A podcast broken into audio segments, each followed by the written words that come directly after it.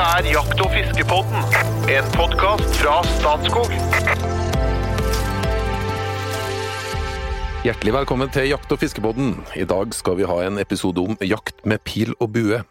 Og da kunne jeg jo selvfølgelig hatt en flåsete innledning om eh, det å leke cowboy og indianere. Men realiteten er faktisk at pil og bue har veldig lange tradisjoner som jaktform, og er svært utbredt i verden for øvrig, men ikke i Norge. Sjøl om det ikke er utbredt i Norge, så har vi et buejegerforbund, og i dag har vi med oss eh, et styremedlem som heter Erling Flatbu. Hjertelig velkommen. Tusen takk, og tusen takk for invitasjonen. Veldig hyggelig. Hvordan starta denne interessen for deg? Nei, Den starta for veldig mange år siden, eller sånn 2006 omtrent. Det var jo på en messe hvor Norges Buejegerforbund hadde, hadde utstilling og stand, hvor man kunne teste buer.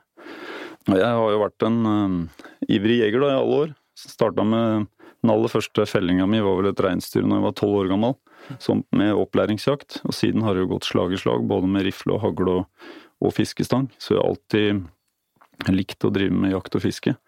Eh, Det har fortrinnsvis vært jakt av en god del elg, hjort, rein og rådyr med rifle. Og så har det blitt skogsfugljakt eh, utover det, da.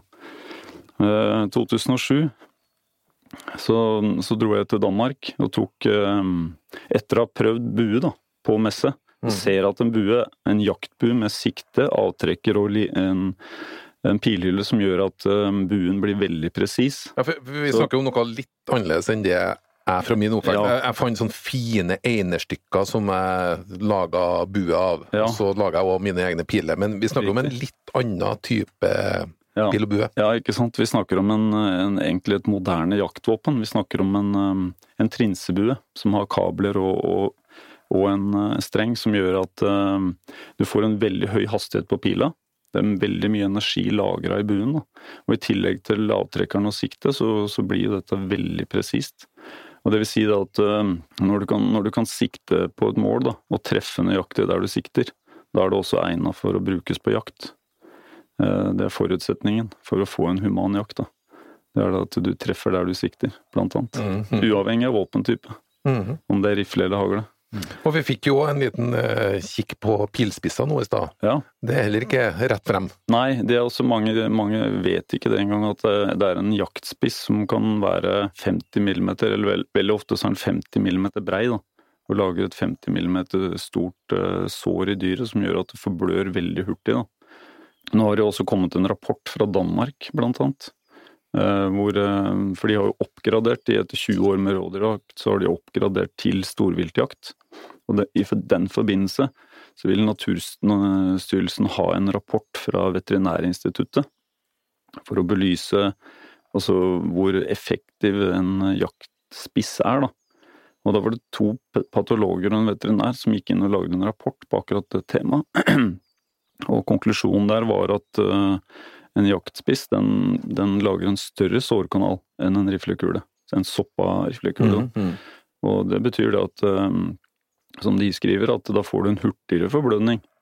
Og dermed en, en like human avlivning da, av dyret. Mm.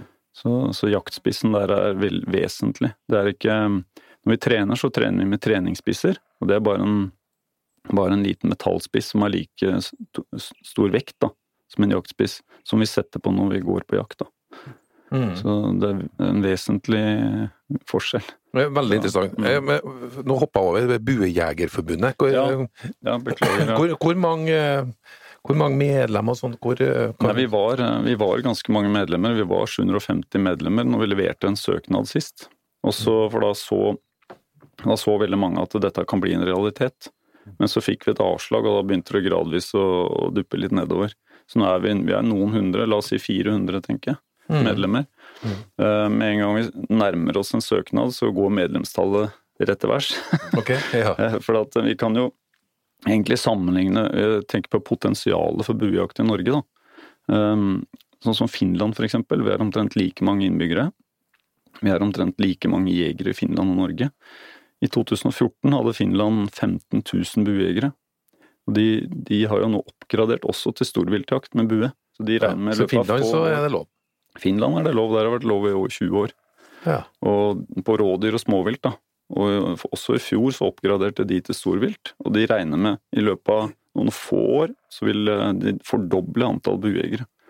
Sånn at uh, interessen for buejakt den er økende egentlig i hele Europa og i nabolandene våre. Mm. Og de, de har jo hatt buejakt uh, i og med at de har hatt det i to tiår, da, med god erfaring. Og så velger de å oppgradere. Det sier jo ganske mye, egentlig. Mm. Mm. Veldig interessant. Espen, mm. har du noen gang vært på jakt med pil og bue, du? I voksen alder? I voksen alder? Nei, nei, som, som, som mange så drev jeg jo selvfølgelig med dette når jeg var guttunge, men altså, det er jo en helt annen greie. Og jeg, med litt sånn respekt for Bujegerforbundet, så skal vi erkjenne det at dette er jo noe helt annet. Nå snakker vi seriøs jakt.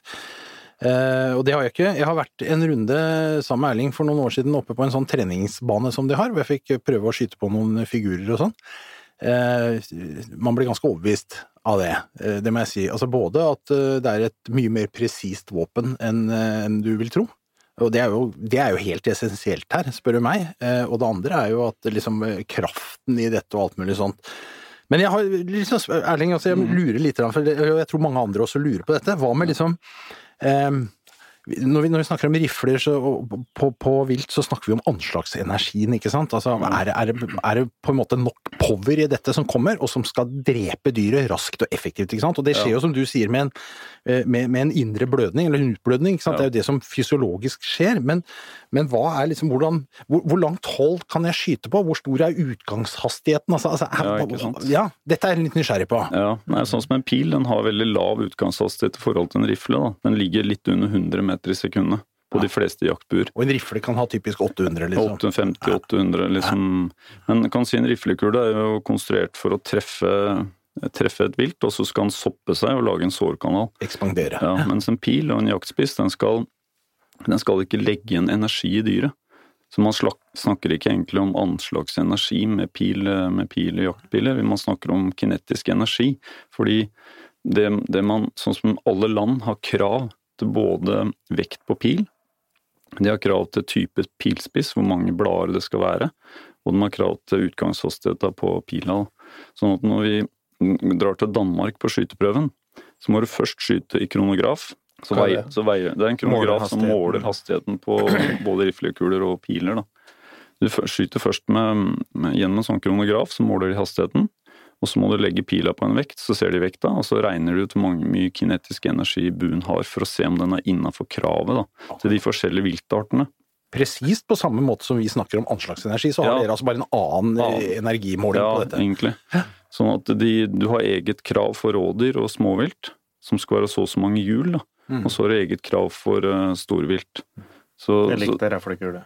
Ja, så det, er, det er veldig satt i system, og det er veldig seriøst. Men, sånn men i praksis, da, for oss som jakter altså Vi, vi veit jo noe om eh, hvor langt hold vi kan skyte på et rådyr. Ja. Eh, altså, det, det, har jo, det, Ja, ja, er jo ikke noe med rifle, for absolutt, eksempel. det er jo ikke noe absolutte grenser her. Nei. Det er jo opp til jegeren å vurdere og bedømme, og, men, men vi veit jo sånn. Men hvor nærme må du Føler du at du må, da? Hvor Ja. nærme må du? Ja, men ikke sant, vi har en regel da. I Danmark så er det sånn at uh, man skal aldri skyte på et rådyr over 20 meter på, på rådyr.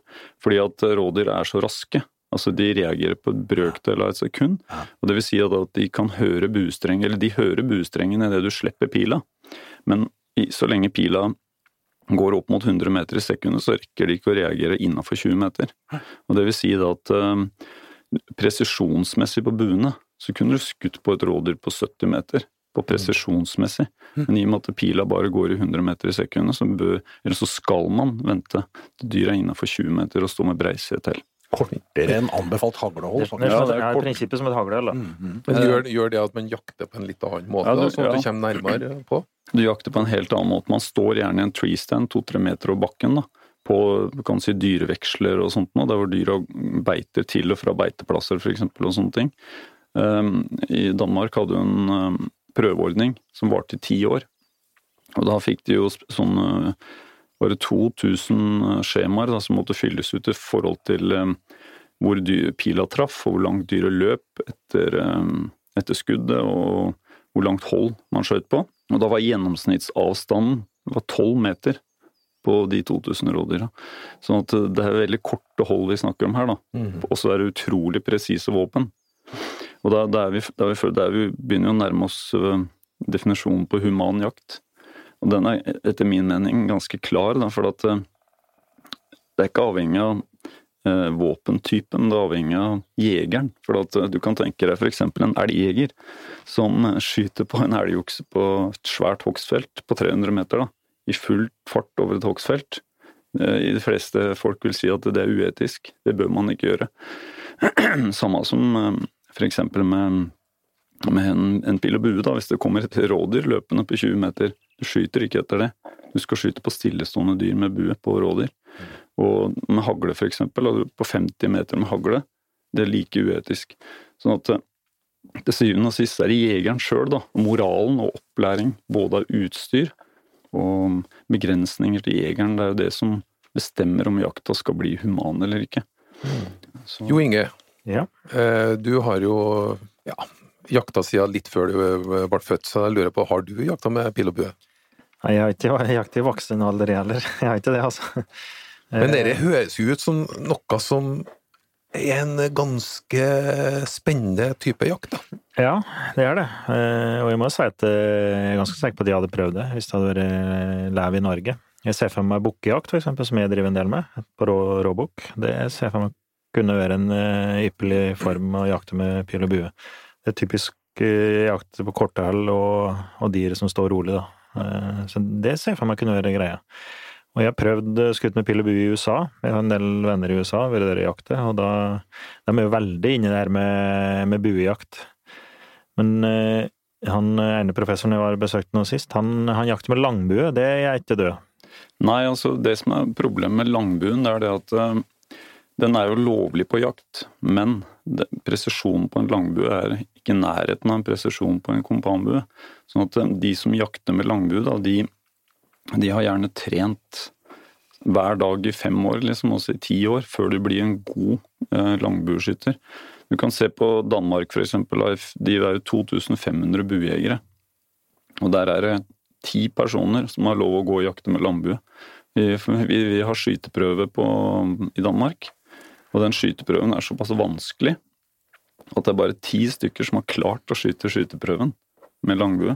Det vil si da at eh, man forbyr ikke langbuen, men man setter kravet så høyt da, Mm. at det på en måte skiller ut Langbuen er den eh, tradisjonelle ja, som engelskmennene jager vikingene med. Da. Ikke okay, sant? Ja. ok. Og det vil si at da velger man den buen som er mest presis til jakt, og det er jo kompanbuen. da.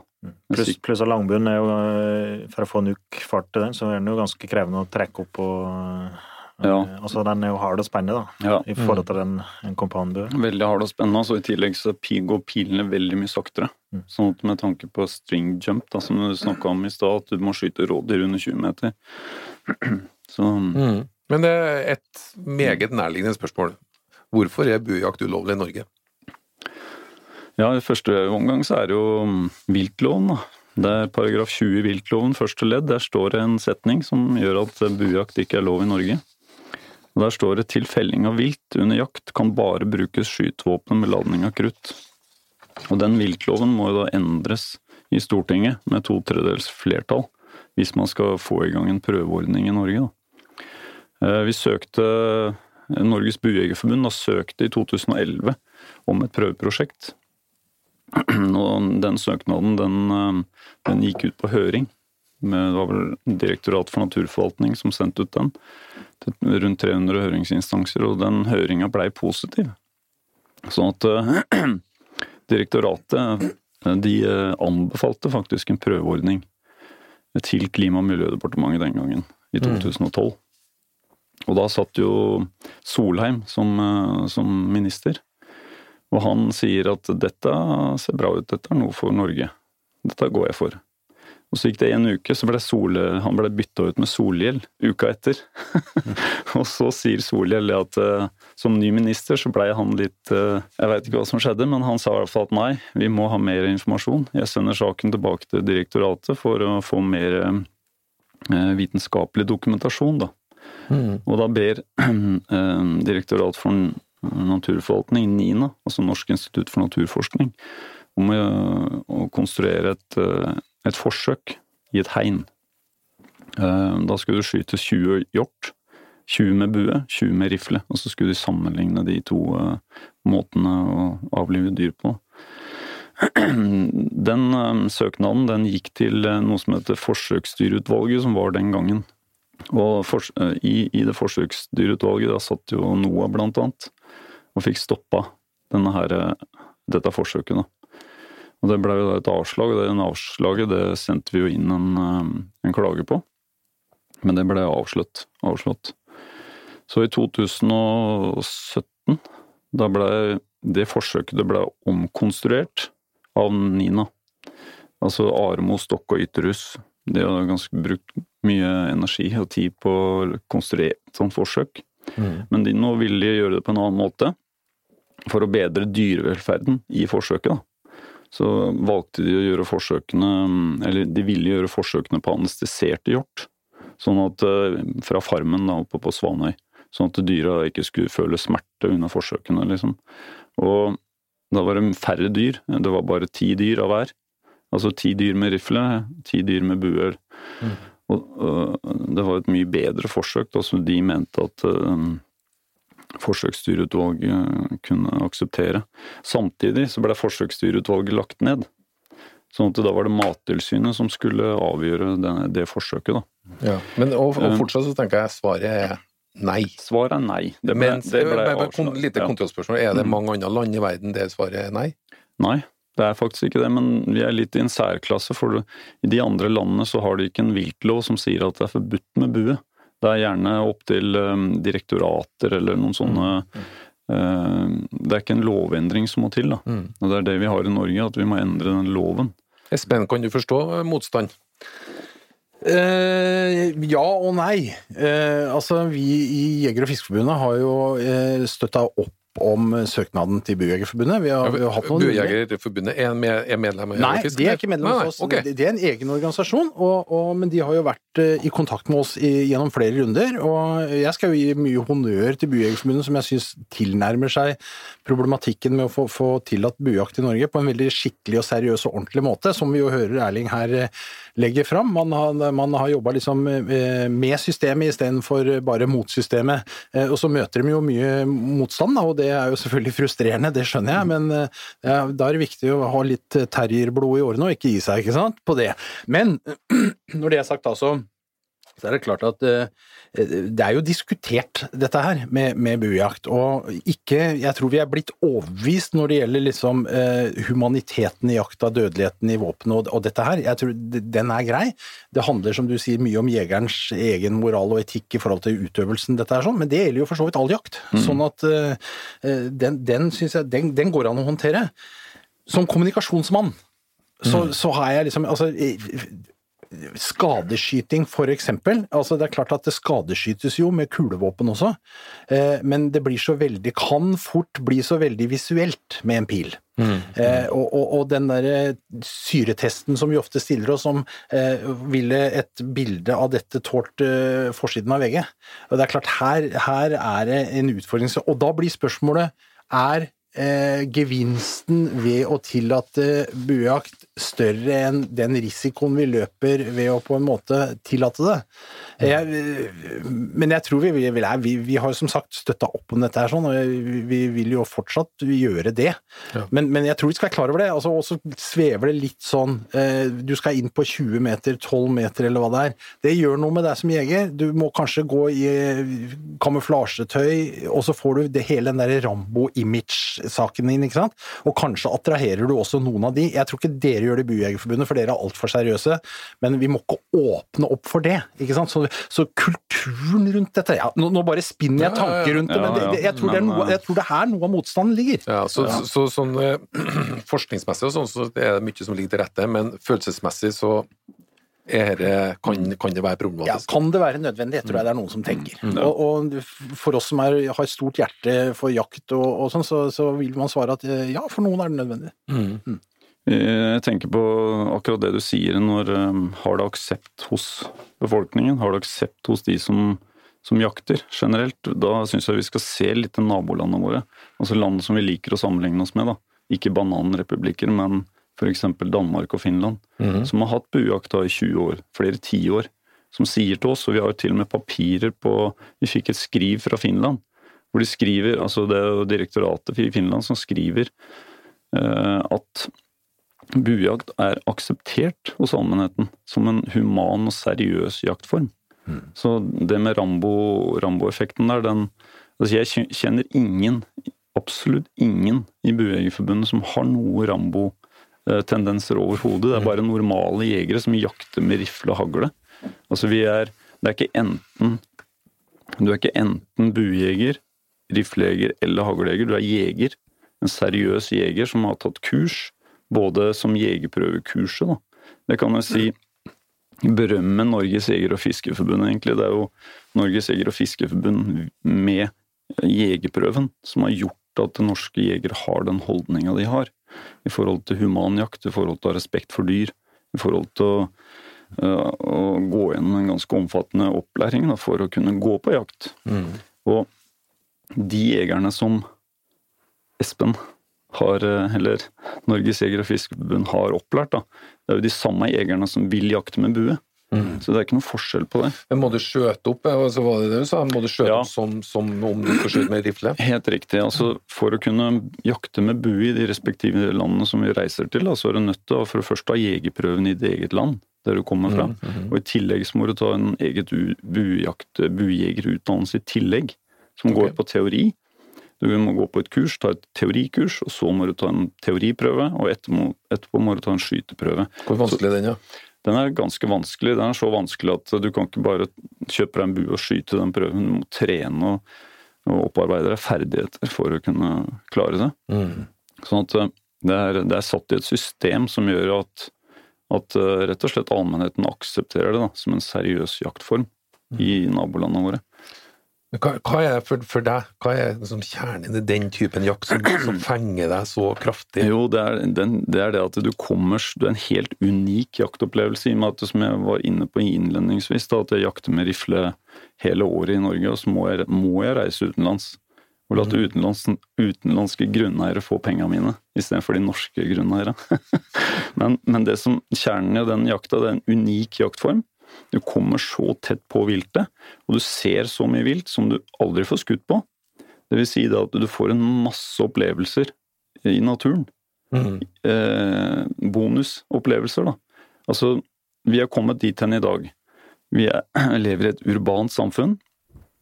Vi kan reise på butikken og kjøpe kjøttdeig.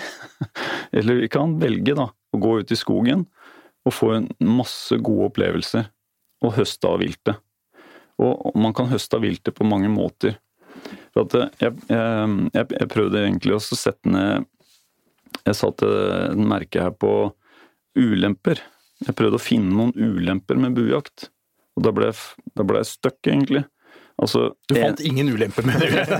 Nei, For da kom jo noe og henta Ja, noen andre jo, i men- studio. i stedet. ja, ja, men, jo, men hør nå her, jeg, jeg fant én. Mm.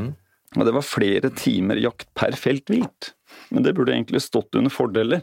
Mm. For du får mye flere opplevelser. Du må mye oftere ut i skogen for å hente det viltet. Ja, for du, Så, at, jo, eh, jo, så dere må hjelpe meg. Finn ulempen da, gutter. Men det er en del eh, det er, det er kanskje det noe av den kritikken som har kommet, da. At eh, Ja. du gjør det for spenningens skyld.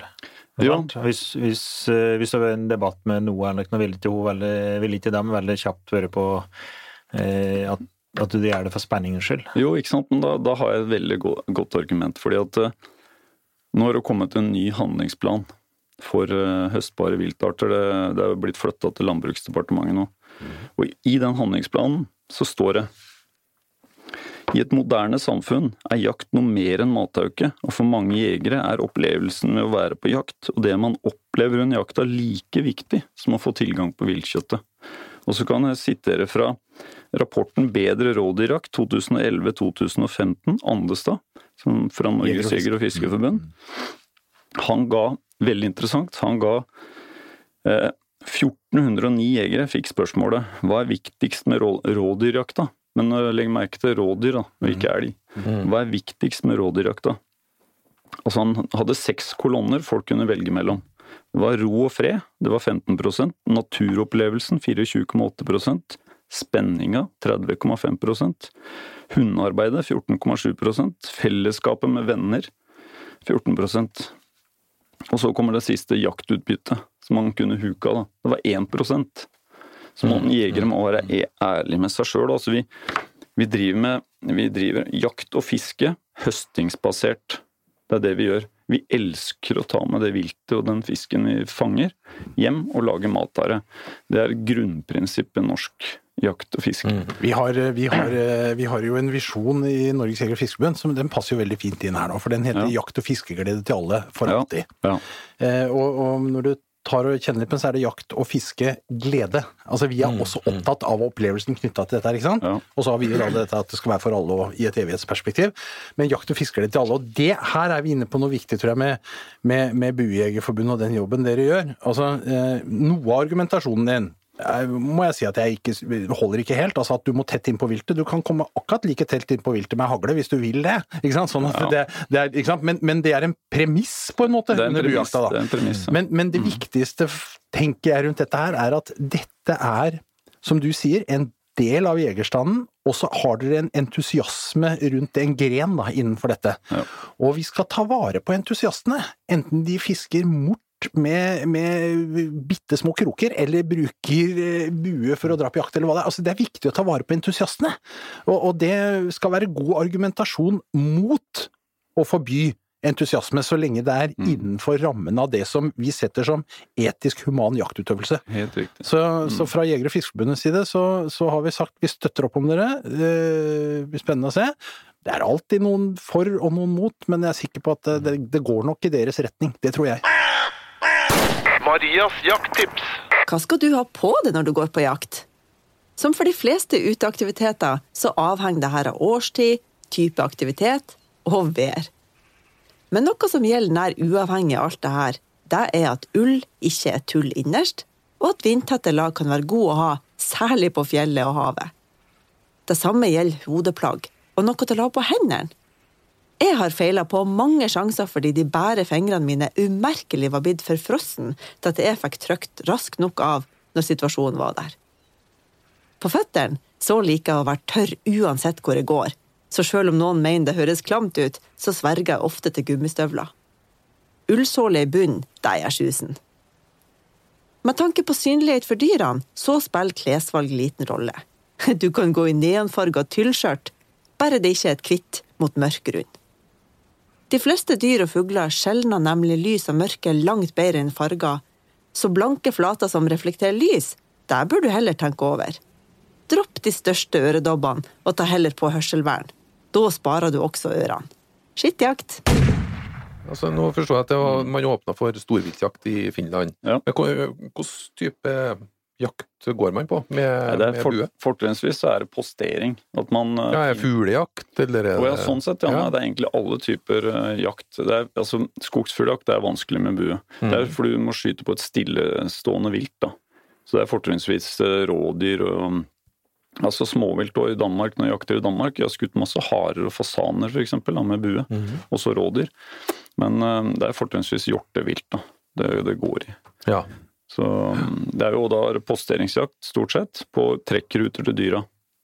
Du setter opp en jaktstige, da, hvor, eh, som er en to-tre meter over bakken. Du finner, Og så har du sånne tree stands som du kan bære med deg og sette opp i et tre, f.eks. Og det- For da, da kommer du litt opp fra bakken, vitringa blir borte, og du kommer tett på dyra, for du kan sette f.eks. på en hjortesti. da. Så kan du sette en sånn tree stand ti meter unna den hjortestien, fem meter over bakken. Mm. Og da kommer hjorten gående, helt inntildanende og er helt i ro og helt avslappa. Og man kan plassere en pil helt perfekt uh, ja så, så det er vanligvis ingen som driver? Nei, Det Det er- kun postering? kun Er det postering. sånn alenejakt, eller er man ofte Ja, man, flere? nei, ofte så er man flere. Man posterer flere steder i terrenget. ikke sant? Man, det er gjerne en gruppe som drar sammen, og så går man, fordeler man seg utover i terrenget. Og så posterer man morgen og kveld. da. Det Mm. er fortrinnsvis sånn jakt man driver med.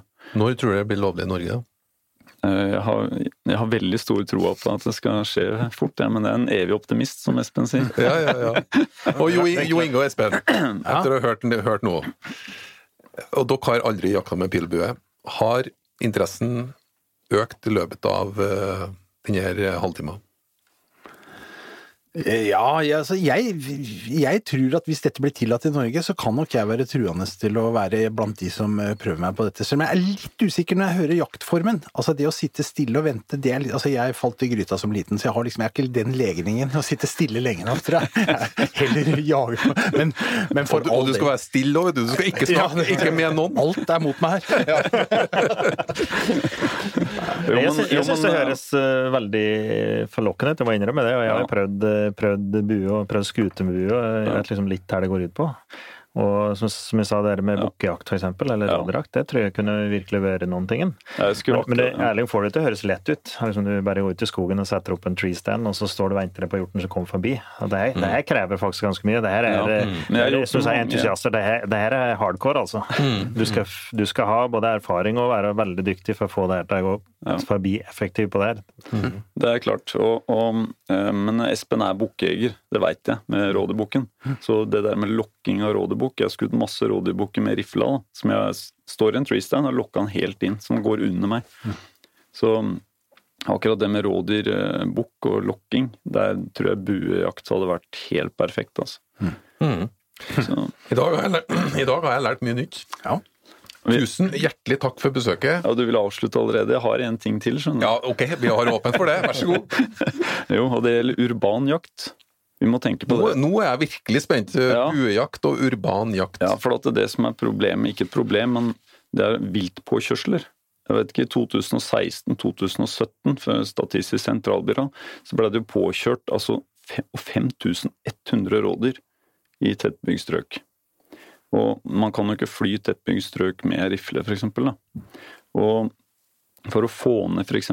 viltpåkjørsler, da, så kunne jo bue, buejakt vært brukt som et element da, for å kunne ta ned noe av rådyrbestanden i, i urbane strøk. Da. Eh, Det brukes jo sånn som i, både i Spania og i Tyskland nå, faktisk. eh, I byer hvor villsvina kommer inn og herjer i bakhagene til folk. Det brukes effektivt mot villsvin. I, og i Finland brukes det på rådyr, annet, i tettbygd strøk. På harer, på kirkegårder og sånn, for for å ta bort skadedyr, rett og slett. Da. Man kan, man kan jo ikke bruke kulevåpen i de eh, områdene. Så man eh, Altså, dette er en lydløs jaktform. Den er helt ufarlig. Vi fikk eh, også et skriv fra Finland som sier at eh, de har hatt buejakt i 20 år, og de har ikke hatt registrert én eneste ulykke med bue. Da, fordi da snakker vi om mennesker, ikke sant? ja, nei, ja, nei, det, er mennesker som er skada under jakt, og vi vet jo det i Norge, og det er jo de andre landene også, da, som har rifle- og haglejakt, at det blir skutt folk hvert eneste år. Så buen, det, det unike med buen, da, det er at du, når du har vilt på skuddhold, så trekker man opp buen. Da spenner man buen, og først når buen er spent, det er da den er farlig. Mm. Og den er jo aldri spent, det er aldri vådeskudd. Ja, ikke sant? Så Så det går bra, det, når du er såpass nært viltet og spenner buen. Ja, det gjør det. Du må bare følge med dyret. Kan du si et rådyr, du må følge med på dyret, at det ser en annen vei, at du, for det er en liten bevegelse som skal gjøres. Sånn at, og så er det det med en annen ting med buejakt, da, det er det at det er veldig inkluderende. Altså hvem som helst kan drive med det. Unge jenter, unge gutter, øh, gamle, unge. altså Det, det, det ekskluderer ingen, Du trenger ingen. ikke å være sterk for å spenne buen. Nei, på alle buer kan du justere dravekta på, dra lengden, sånn at de kan tilpasses hver enkelt person. Så vi har jo en folkehøyskole i Skogn, vet du, som, som har buejakt i pensum. Ja. Og de har eh, reiser til USA, hele skoleklassen hvert år, og drar på buejakt. Det er i Trøndelag det skjer. Det er i Trøndelag, det er der fremtiden er. Men eh, så, sånn at eh, Og der- den hvis du ser- Hvis du ser på den skole... Hvis du, ja, den var drøy, men hvis du ser på den skoleklassen, da, så er det masse jenter på den skole, i den skoleklassen. Og de har buer, og de skyter og hjort, og ikke noe problem. Så at eh, det, det er eh, Det er ikke bare en, kan si, en, en måte for eh, sære eh, 40-åringer, dette her. Det er for alle, rett og slett. Og så er det det at eh, i forhold til turgåer, bærplukkere og andre brukere av utmarka, så er det absolutt ingen fare. Altså, vi Ja, men, da, men kommer jeg inn Erling, og sier at Ja. men, men du, du må ikke tegne dette, Nei. for da høres det ut som det er farlig ellers Det er under ikke annen farlig og det er det ellers. heller ikke, nemlig. Det er ikke farlig Nei, ellers. Det er jeg enig med deg. Jeg, jeg jakter jo like, jeg jakter vel mer med rifle enn deg, eh, Espen, så, så jeg er helt enig med deg. Det er ikke farlig. Men, eh, Nei, det er men, ikke det. Altså, vi, men, vi, vi skyter jo ikke bærplukkere. Vi gjør ikke det. Vi gjør Men ikke det Men, men, det, men Unnskyld. jeg, jeg hører jo at det er veldig mye god argumentasjon rundt det, Mm.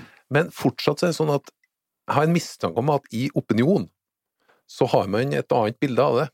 Så det er et eller annet med at man kanskje ikke når igjennom med den argumentasjonen som du nå sitter på. Ja, det var før vi kom på jakt- og fiskepodden her. da. Ja, nå, nå hjelper jo det. Nå er jo sannsynligvis problemet løst. jo, dette er første podden jeg har vært med på. Ja, ja, ja. ja. Det er jo litt her den sammenligner seg med, da. Altså, vi har jo sett noen eh, i USA. Så vidt jeg klarer å finne ut, så har de ca. åtte millioner buejegere. Det er veldig stort i USA.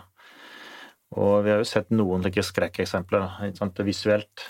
da, i pil som, er, som ikke har truffet der den skal. Ja. Men, men vi liker jo å sammenlignes med nabolandet våre, som Erling sier. Altså Finland er veldig seriøse. Ekstremt seriøse når det kommer til jakt og fiske Mm. og, og fangsttradisjoner.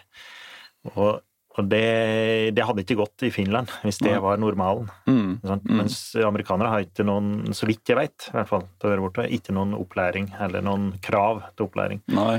Mens eh, nabolandene våre har det. Og, og jeg tror det er litt slik der vi, det er lett å finne videoer eller finne motargumenter fra f.eks. USA. Mm. Og kanskje de som florerer, da. Ja, for det er jo et Ja. viktig poeng at, eh, at eh, Norge og Norden så er vel jakt gjennomregulert. Mens i USA så er det nok en helt annen, et helt annet politisk utgangspunkt, da. Mm. Og mye mindre styring, egentlig. Ja, Ja, både på jeg- jeg utstyr ja. og på krav. Ja, det skal ikke være noe krav, aldersgrenser, ikke noe skyteprøve. Ingen, det skal være Nei. minst mulig krav, egentlig. Mm. Og da Ja, ja, aner jeg meg at risikoen for eh, feil øker, da, spesielt vil jeg vel kanskje si med, med bueskyting. Ja, altså De aller fleste statene Jeg har vært i mange stater i USA og jakta med bue. De aller fleste statene der så kan du bare gå inn i en butikk og kjøpe deg en bue, og så gå bort på kiosken og kjøpe deg en tag. Gå ut og jakte Mm, uten å mm. ha skutt inn eller vite helt hva du driver med. Så stilles i de fleste statene ingen krav om noe som helst. Så, og så tar man da våre motstandere, da, en eller annen skadeskytingsstatistikk da, fra USA og opp hit, ikke sant. Hvor jegerne ikke har opplæring engang. Og i det Mm, mm. utstyret de skal bruke. dem, eh, mens eh, Jo Inge, som du sier at eh, Danmark og Finland så er det jo opplæring av jegere med skyteprøver og krav til utstyr og krav til ganske mye før du det kan gå ut med buen. Mm. Det vil jo hjelpe på betraktelig. Mm. Tror du man kommer til å nå gjennom, Espen? Ja, jeg, jeg tror faktisk det. For at det, det er seriøs jobbing over tid. Det Mm. tror jeg at de kommer til å nå fram med. Jeg tror på en måte med stadig grad internasjonalisering og alt mulig, så tror jeg på en måte det går denne veien. Eh, og med overflytting til eh, Mat- og landbruksdepartementet, eh, så tror jeg kanskje at man ser også et eh, næringspotensial i å utvide. Det er en måte å utvikle jakta på. Så jeg, jeg tror det, og så tror jeg at vi vi klarer det i fellesskap på en måte som er innafor rammen av det vi syns vi skal ha rundt jakta når det gjelder ja. etikk, moral, humanitet osv. Mm. Helt klart. Det skal eh, stilles strenge Vi har ikke sagt så mye om dyrevelferd her i dag, men det er klart Nei. at det er på en måte, det bare ligger der som en sånn premiss. Det ligger hele ja, det gjør det. For jegere i Norge så er det en premiss. For å kunne drive jakt så kommer dyrevelferden veldig høyt opp. Jeg føler jo at det er det, på det grunnlaget du har argumentert Ja. på, på grunnlag av, da. Ja, Ja. fordi, for at det er helt klart at eh, de som skal jakte med bue i Norge, der skal stilles strenge krav altså, til opplæring og skyteprøver og ferdigheter og utstyr. Det blir spennende. Mm. Ja. Jo Inge, skal du til Danmark til høsten og på bukkjakt med pil og bue? Eh, ikke med pil og bue, kanskje. Ikke ennå. Jeg skal til Danmark 16. mai, for bukkjakta starter 16. mai i Danmark. Aha. Men det har vært en tradisjon i ti år nå. Altså. Da får du ha lykke til. Det var veldig spennende. Jo, takk. Takk for besøket, Erling Flatby fra Norges Buejegerforbund. Eh, Hør igjen på nye episoder fra Jakt opp fiskebåten.